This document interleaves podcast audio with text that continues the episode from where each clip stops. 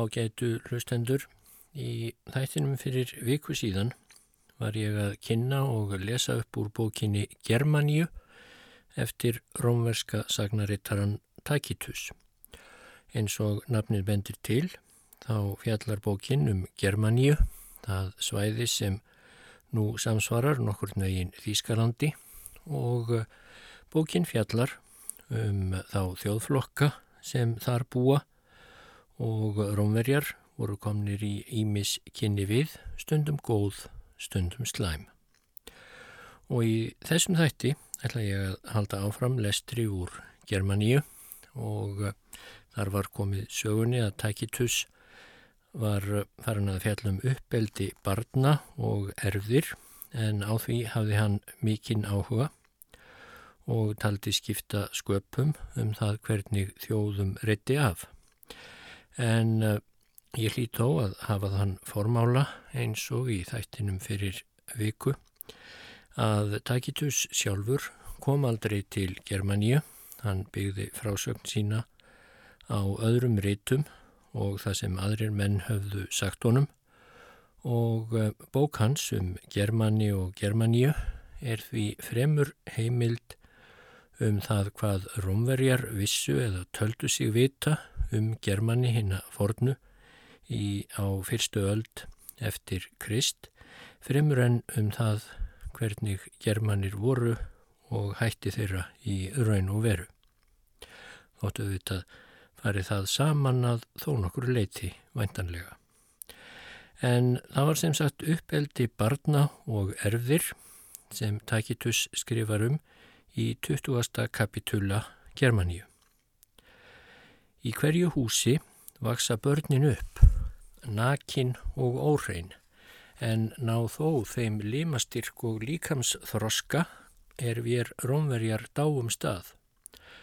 Alast þau upp á brjóstum maðra sinna og eru ekki falin fórsjá þernu eða fóstru. Egi verður séð að meira dekur sé sínt við uppeldi húsaráðanda sonar en þræls hafast bæði mektarmanna sonurinn og þrælsonurinn við innan um sömu hústýrin og á sömu torfunni, þanga til aldurinn aðgreinir þá og manngildi hins frjálsborna segir til sín. Freyju gamni venjast ungir menn ekki of fljótt, ekki innan tvítugs, segir Július Cæsar í gallastriðum sínum og þeir hafa því eigi ofbóðið getmætti sínum sem karlmenn um skör fram. Ekki verða megar heldur við karlmann kendar fyrir en góðu hófi gegnir, en æska þeirra er annars lík æsku sveinanna og sama er hið háa vakstarlag þeirra. Eru germanskar konur mun herri en romverskar en binda svo hjúskap jafn knáir makar og bera börnin þess órekt vittni. Sistur sínir eru jafn mikils verðir hjá móðurbróður sínum sem væri hann fadir þeirra. Telja sumir þær blóðsifjar helgari og tröstari og ef gíslar eru gefnir er fremur sóst eftir sistursónunum því þá higgja menn sig hafa viðtækara vald yfir heimilunum og eiga meiri ítök í hugum manna. Þó er sonur sjálfsagður erfingi og eftirmaður föður síns en arfleðislu skrár hafa þeir engar. Ef börn eru engin þá standa næstir til erfða, bræður, föðurbræður og móðurbræður. Því fleiri sem ættingjar eru og venslamenn, því meira eru menn virðir í ellinni en hinnu fylgir engin umbun að láta ekki eftir sig börn. Skilt er erfingja að taka upp þykju fyrir föður sinn eða frænda, alveg eins og að þekkjast vini þeirra. Má þó sættast á alla mísklíð því að víg verður einnig bætt með tilteknum fjölda stórgripa eða annars kvikfinnaður og tekur þá allt frænd liðið bæturnar er það þjóðinni heillavænlegt því að þeimun háskalegri verða deilur og dilgjur sem meira er frelsið. Engin þjóðannur er gestristnari en germanir, nýja veitir stórmanlegar. Er þá glæpurtalinn ef nokkrum manni er útýst og eru máltíðir framrettar og allur beini veittur eftir efnum og ástæðum hvers eins þegar gest berað gardi.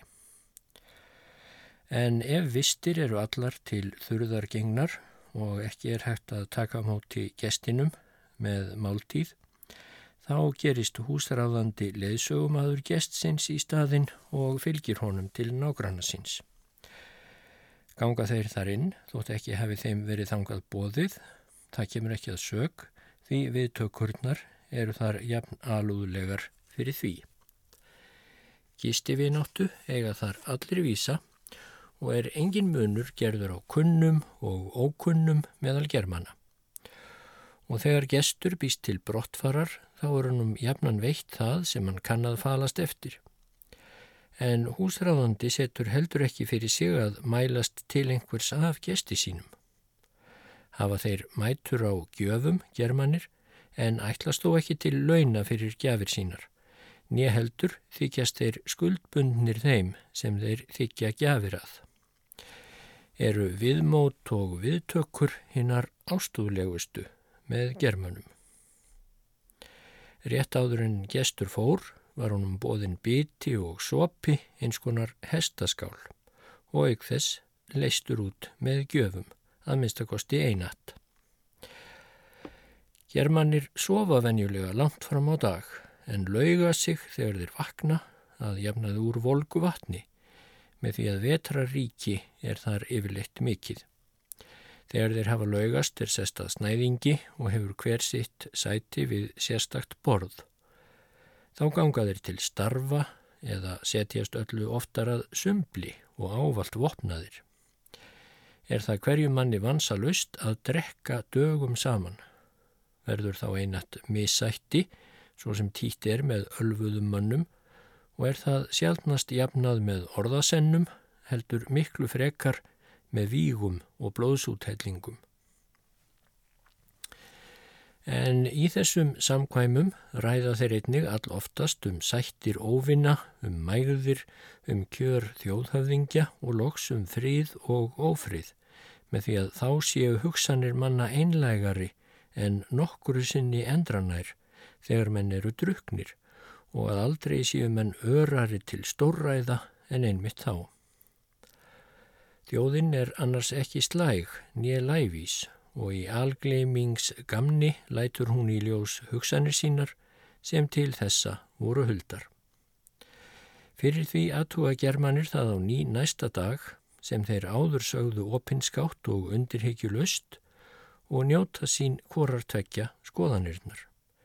Þeir ráðgast á meðan þeim er eigi síndum yfirdrepskap en afráða þá fyrst þegar þeim getur ekki skjáttlast. Til drikjar hafa germanir lög úr byggi eða kortni er súrnað hefur svo í gerð að nokkuð líkist víni. Þeir sem næstir búa árbökkunum, þar að segja árbökkum rínarfljóts og dónár, þeir kaupa og vín frá okkur rómverjum. Fæða þeirra er yfirleitt óbrottin, viðaraldin, nýtt villidýrakjött eða mjölkurhlaup. Þeir seðja hungur sitt án viðhafnar og kryds en gæta miður hofs þegar þeir svala þorsta sínum. Ef alið er á drikjarfísn þeirra og þeim gefin eins mikill drikkur og þeim líkar, þá mun engu torsóttara að sigrast á þeim með löstum þeirra heldur en með vopnum.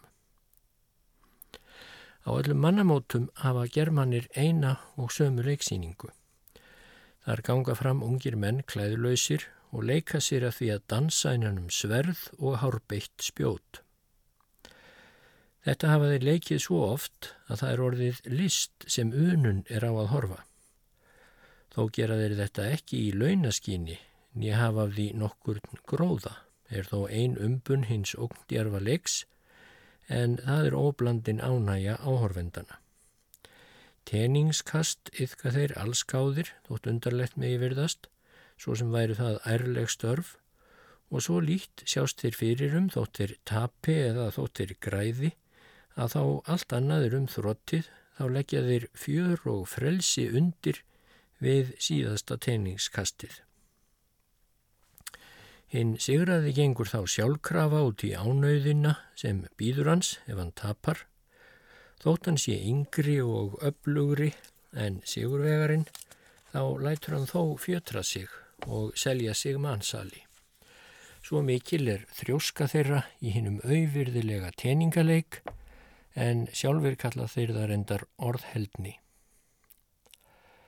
Eru þrælar þessir seldir jafnharðan því eigandin kýsað fyrra sig þeirri smán sem sigrinum er samfara. Aðra þræla sína láta þeir ekki vinna ákveðin störf á heimilinu svo sem okkar er síður. Sér hver þræll stýrir sínu húsi og heimili en landstrottin gerir honum að greiða sér all mikið af korni, kvikfið eða klæðinaði svo sem hverjum öðrum búþegn. Lengra ná ekki skildur þrælsins því að heimilistörf annast húsmæður og börn. Það er sjaldgeft að þræll sé barinn eða að honum sé íþyngt með vinnu í hegningarskinni eða lagðir á hann fjötrar.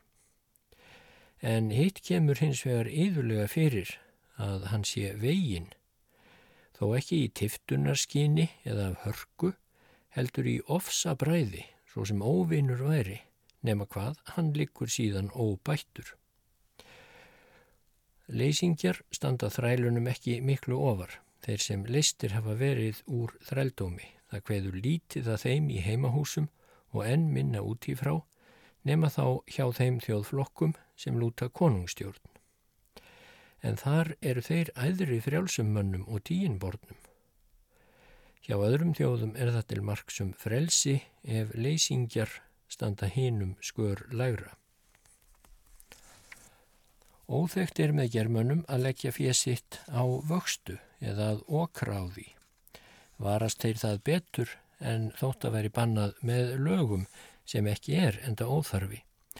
Lönd þeirra eru settinn af öllum til skiptis að tiltölu við yrkjendur en síðan er löndunum skipt eftir mannverðingum. Útlutunin er auðveld vegna þess að landrými er nær ótakmarkað og hafa þeir áraskipti á sáðulöndunum bestu. Jafnan er nóg afgangs því að ekki keppast er um það með vinnu sinni að hafa sem mestan arð af frjósemi og landrými. Þeir hyrða korki um að gróður setja aldintri, nýja að afgjörða engjar, hvað þá að vökva blómagarða. Það er aðeins kornið sem jörðin verður að gefa af sér. Áreinu skipta þeir heldur ekki í jafnmarga parta sem við er gerum. Vetur, vor og sumar þekkja þeir og kunna nöfn á en þeir hafa ekkert nafn á husti nýja á gæðum þess. Útfarir germana eru viðhafnar lausar. Þó er þess eins gætt að lík merkramanna séu brend með sérstökum viði. Korki bera þeir á bálkvöstin, klæði, nýja ángantrið, en vopn hins látna eru borin á bálið með honum og stundum hestur hans.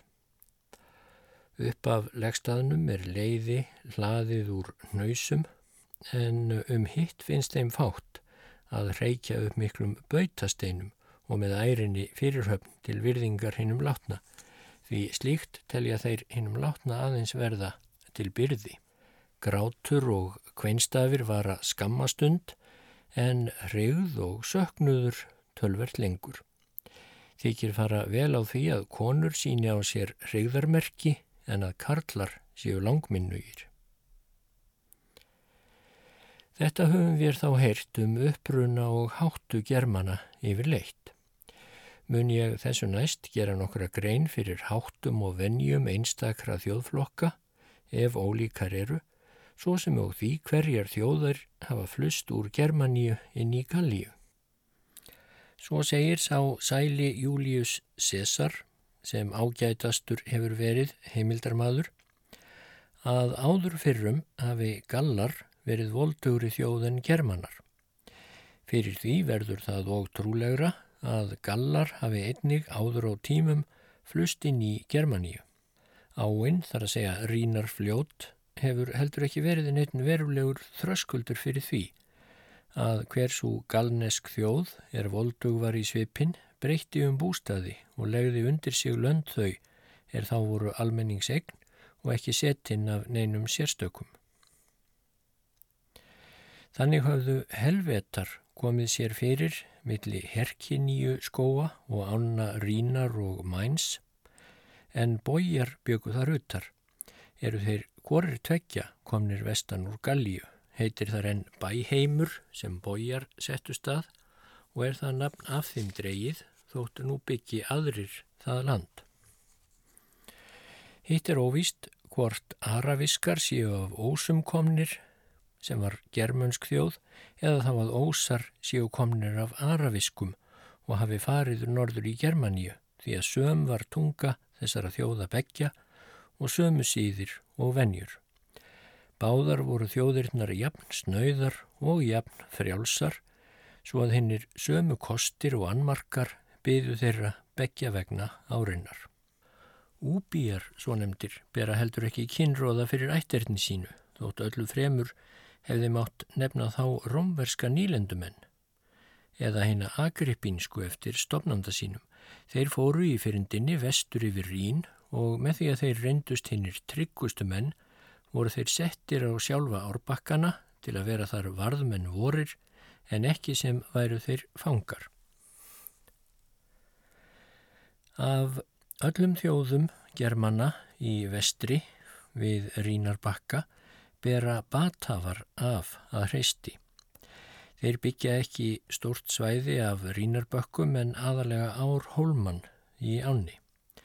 Fyrrum taldust þeir til þjóðar katta en vegna sundrungar heimafyrir fluttust þeir á þessar slóðir þar sem fyrir þeim lág að lúta veldi rómverja. Búa þeir enn að vextemteri og virðingu sem flöyt af hinnu forna bandalagi Því ekki er batöfum sínt svo lítilsvirðing að skattar séu á þá lagðir. Nýjaheldur eru þeir rúnirinn að skinni af tollheimtumanninum rómverska. Eru þeir undanþegnir sköttum og skildum og aðeins ætlaðir til aðstóðar í bardögum. Þeir eru gemdir svo sem vopn og verjur þanga til ofrið berað höndum. Þá taka við lönd Mattíaka Þeir eru oss jafn auðsveipir, svo sem batafar, því að einnig austur fyrir Rín og út yfir hinn gömlu landamæri hefur fræður Rómaveldis látið til sín taka. Þannig má segja að lönd og aðsettur Mattíaka séu germanamegin en hugur og hjarta þeirra séu með oss. Eru þeir að öllu leiti líkir batöfum að öðru leitin því að land þeirra á loftslag hefur gert á enn vaskari. Nokkru austar búa svo kettir. Hefjast lönd katta með herkiníu skógi að vestan og eru þar ekki eins aðrar eins flatneskjur og mýrarflákar eins og annar staðar um hinna viðlendu Germaníu. Hálsarnir verða æst rjálli þegar austar kemur, nær því byggðin austur lengi vel og ávalt fram með herkiníu. Kettir eru menn harðgerir og límir þeirra eru stæltir. Þeir hafa ægishjálm í augum og eru hinnir dáðrökkustu. Kettir eru meiri higgjindamenn og kettni en germönnum er títt. Fórustumenn sína kjósa þeir sjálfur og hlýða skipunum þeirra. Þeir fylgja sér í raðir þegar þeir ganga til hernaðar og grýpa tækifærið þegar það gefst.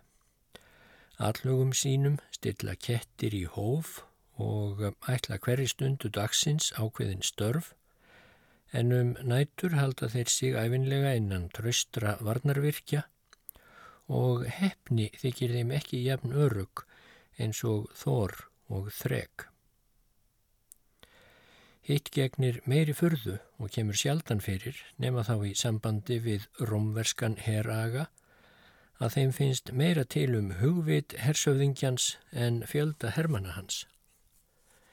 Megin styrkur katta er hjá fótgönguliðinu sem auk vopnana verður einnig að bera all mikið af tólum og vistum.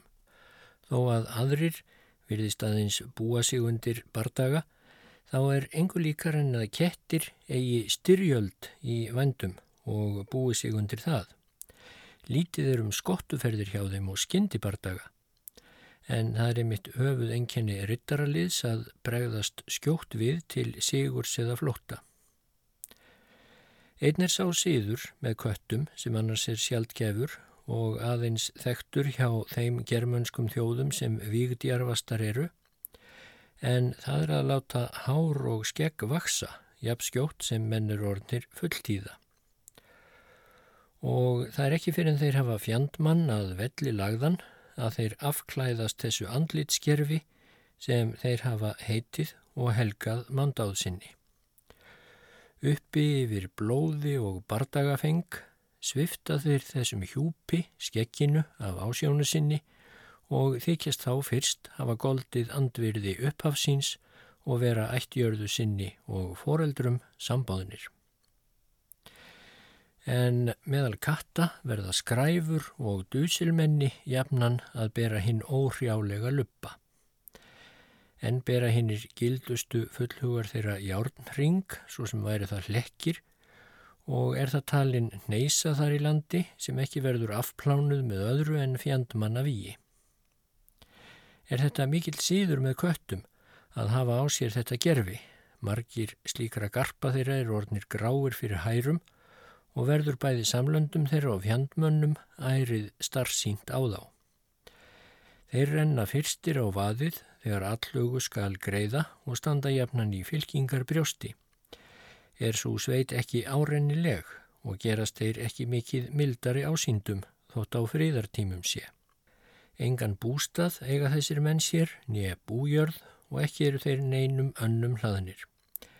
Er þeim tekið opnum örmum hvar sem þeir koma Þeir eru ósparir á annara fjö og hyrða ekki um að eiga neitt sjálfur.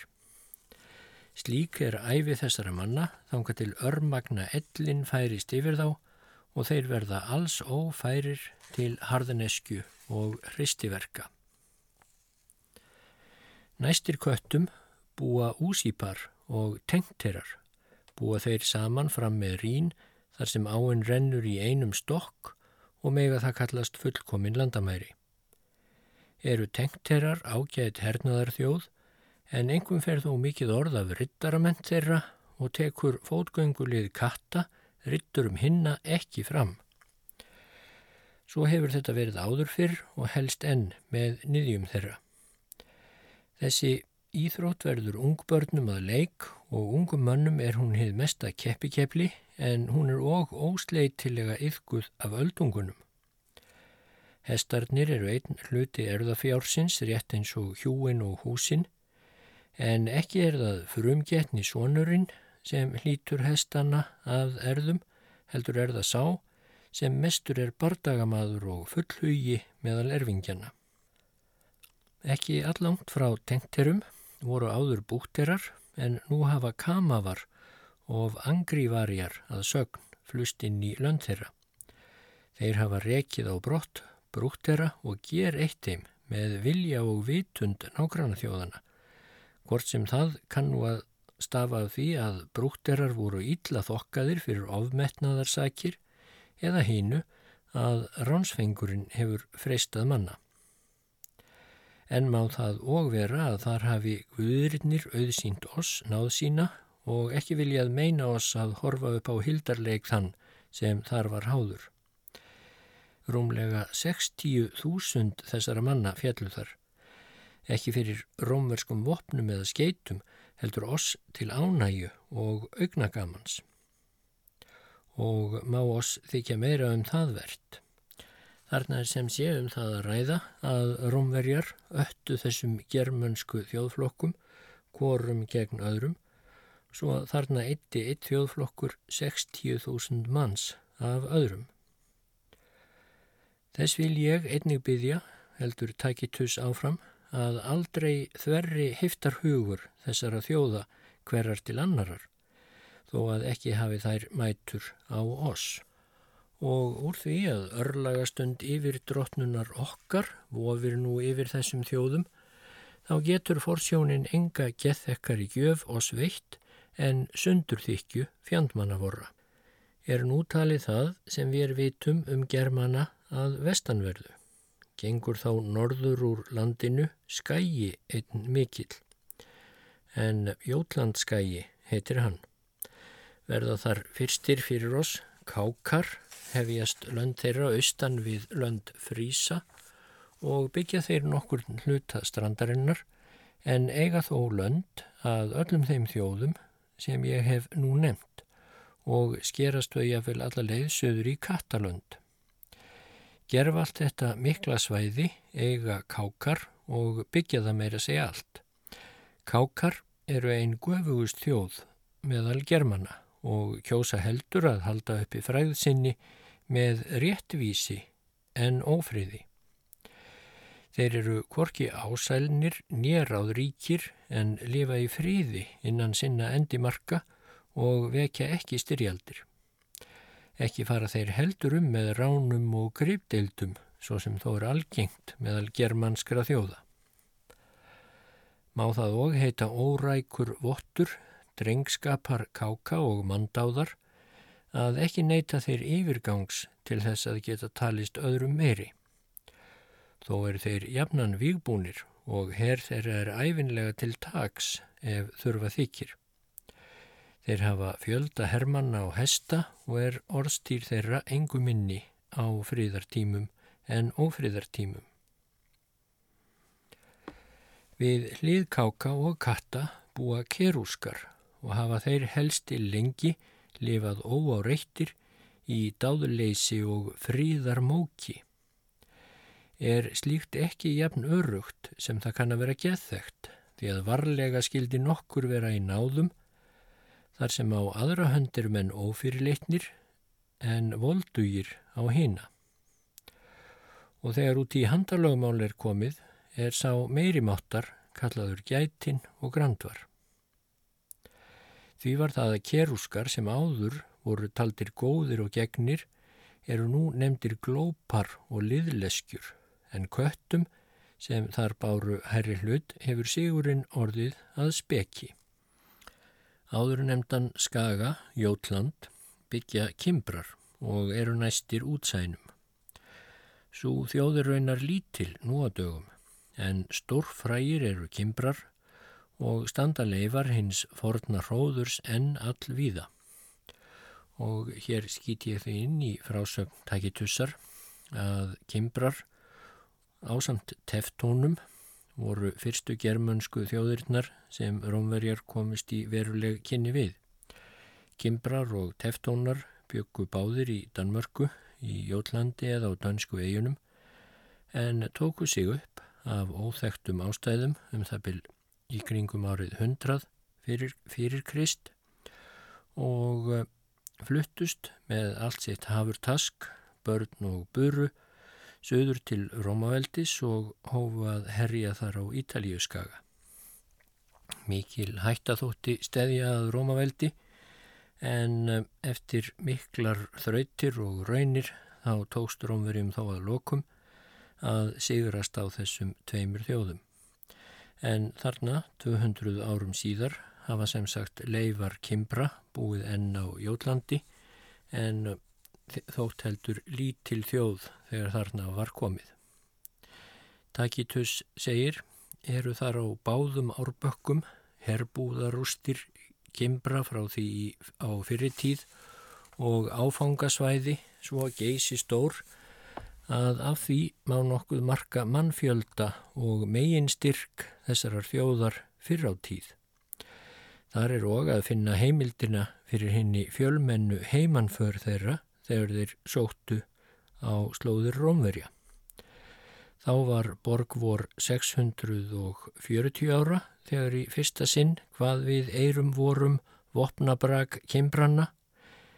Ef talið er frá því ári að öðru ræðismennsku ár træjans keisara sem nú ríkir þá verða það því sem næst 210 ár síðan það gerðist.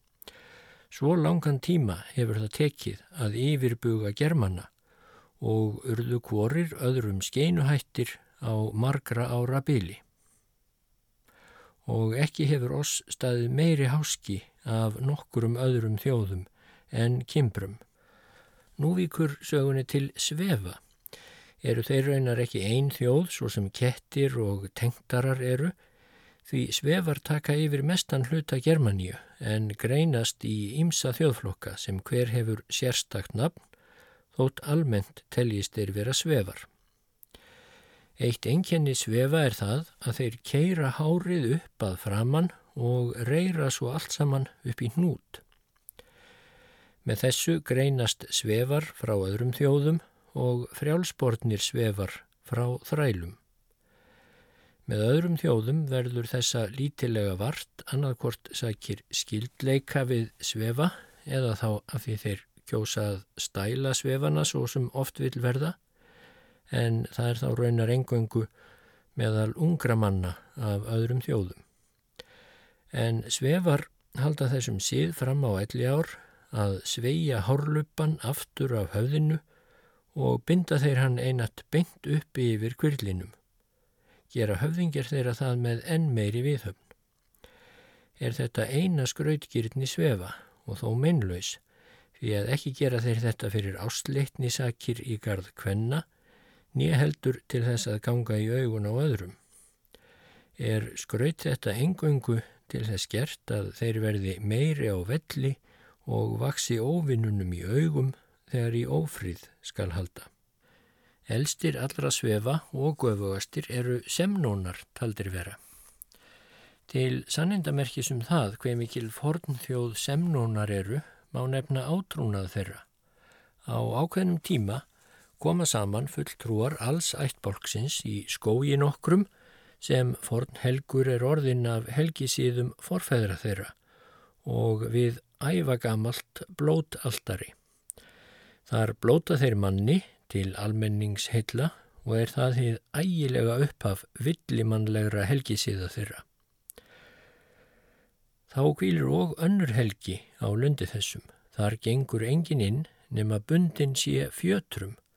Það er takn þess að hann sé minnimáttar og kannist við ofur vald guðdómsins. Ef svo ber undir að fjötraður maður fellur til jarðar þá má hann ekki standa upp nýja nokkur maður reysan við heldur verður hann að velta sér burtaðan. Að því víkur allur þessi annarlegi átrúnaður að þar sé fólk að leita uppruna þjóðarinnar og að þar sé Guð alls valdandi en allt annað sé honum undirgefið og auðsveift.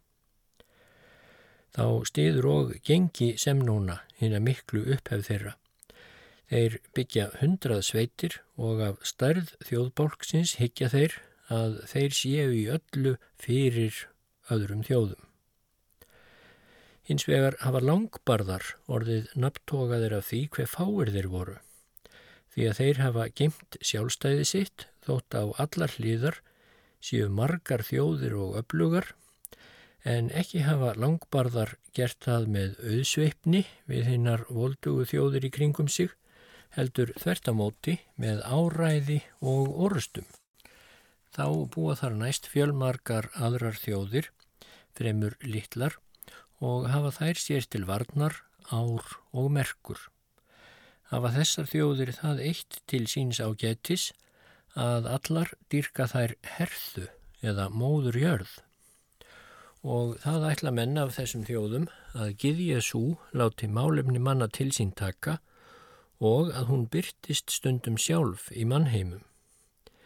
Í eigin okkuri á hafi úti er helgur lundur en í honum er vagn, helgaður giðjunni og hulinn klæði. Hofgóðanum einum er leiftað snertan. Verður hann þess áskinja þegar giðjan er komin í helgidómin og þegar hún fer aftur á burt í vagninum sem dregin er af kvígum þá fylgir klerkur henni á leið með langri og auðmjúkri bæn. Eru þá gleðidagar og hátíðablaðir kvarvetna er giðjunni þóknast að koma og dveljast um kyrt. Þá skal ekki vígvekja og enginn má snerta vopn. Þá fyrst þekkja menn og kunnað meta friðin, en ekki helst að lengur en þanga til hofgóðin hefur aftur fyllt giðjunni inn á hinn helga stað þegar hún er orðin sött af samvistum við mennina. Bráðlega eftir þetta laugast vagnin og klæðið og giðjan sjálf, þótt ótrúlegt megi virðast, í stöðuvatni einu á afviknum stað. Sástarfi er ætlaður þrælum en jafn skjótt og lokið er við að þó giðjunni þá hverfa þrælarnir ofan í vatnið. Af því stafar hinn dularfulla skjelving og hinn ginnhelgi huliðs hjúpur sem kvílir yfir þessari veru sem þeir einir fá séð sem ofurseldir eru döðanum. Þessar kynkvíslir svefa byggja inni í landinu og eru þær slóðir lít kunnar. Má ég nú fylgja Dóná, svo sem áður fylgdi ég Rín og verða þá næstir oss Hermundúrar. Hermundúrar eru tryggir rómverjum en það eru þeir einir allra germanna sem ekki eiga viðskipti við oss á Dónárbökkum engöngu heldur koma þeir allar göttur inn í löndvor þar sem er vor blómlega nýlenda í Skallandinu Retíu og fara þeir þetta án eftirlitsmanns. Öðrum þjóðum sínum við engöngu vopnin og herbúðirnar en hermundúrum opnum við hústýrvorar og listigarða og það þótt eigi sækistir eftir því að fyrrabræði. Í hermundúralöndum hefur sakselfur upptök sín er svo á stór fræg og viðkunn áður á tímum en nú heyrist hennar varðla getið.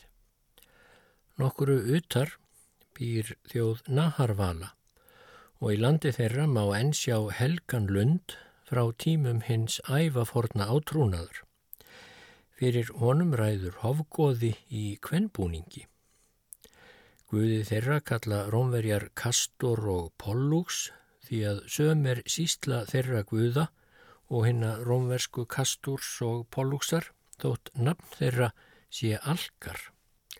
Engar goðamyndir eru þar, nýja annar vottur erlendrar guðadýrkunar.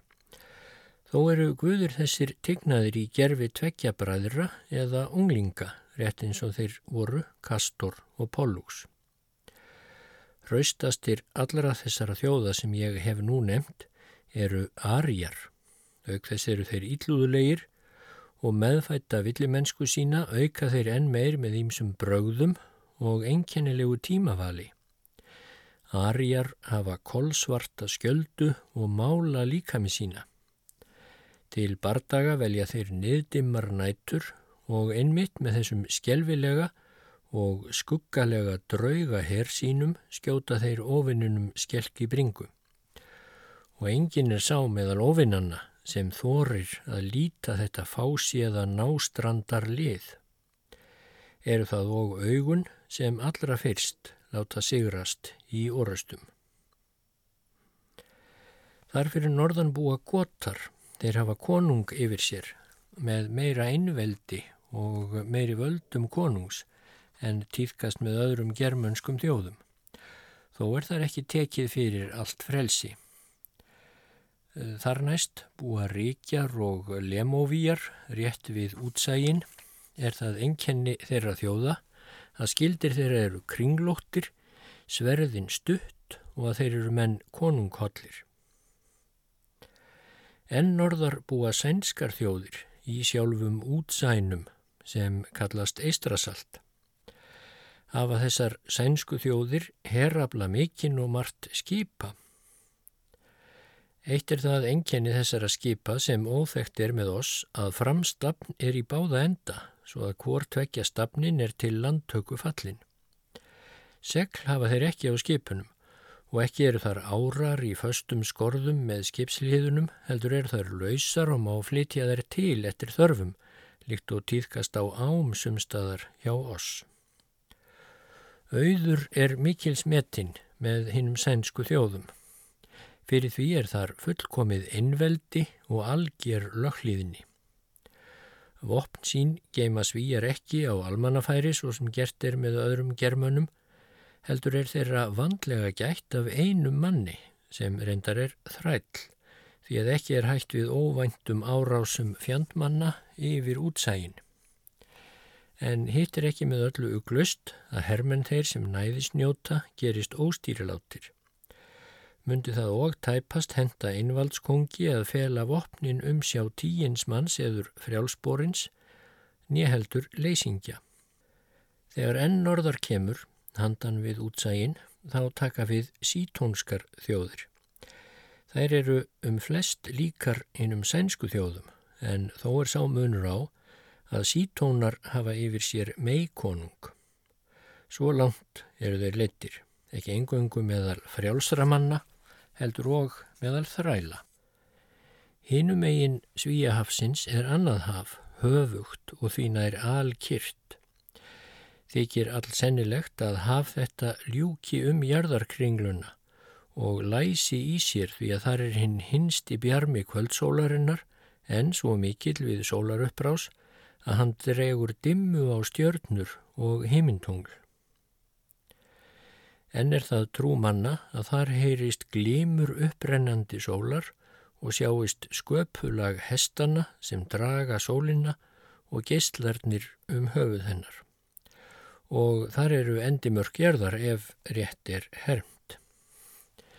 Gem ég þá aftur að austurströnd svefneska hafsins, þar að segja eistrasalts.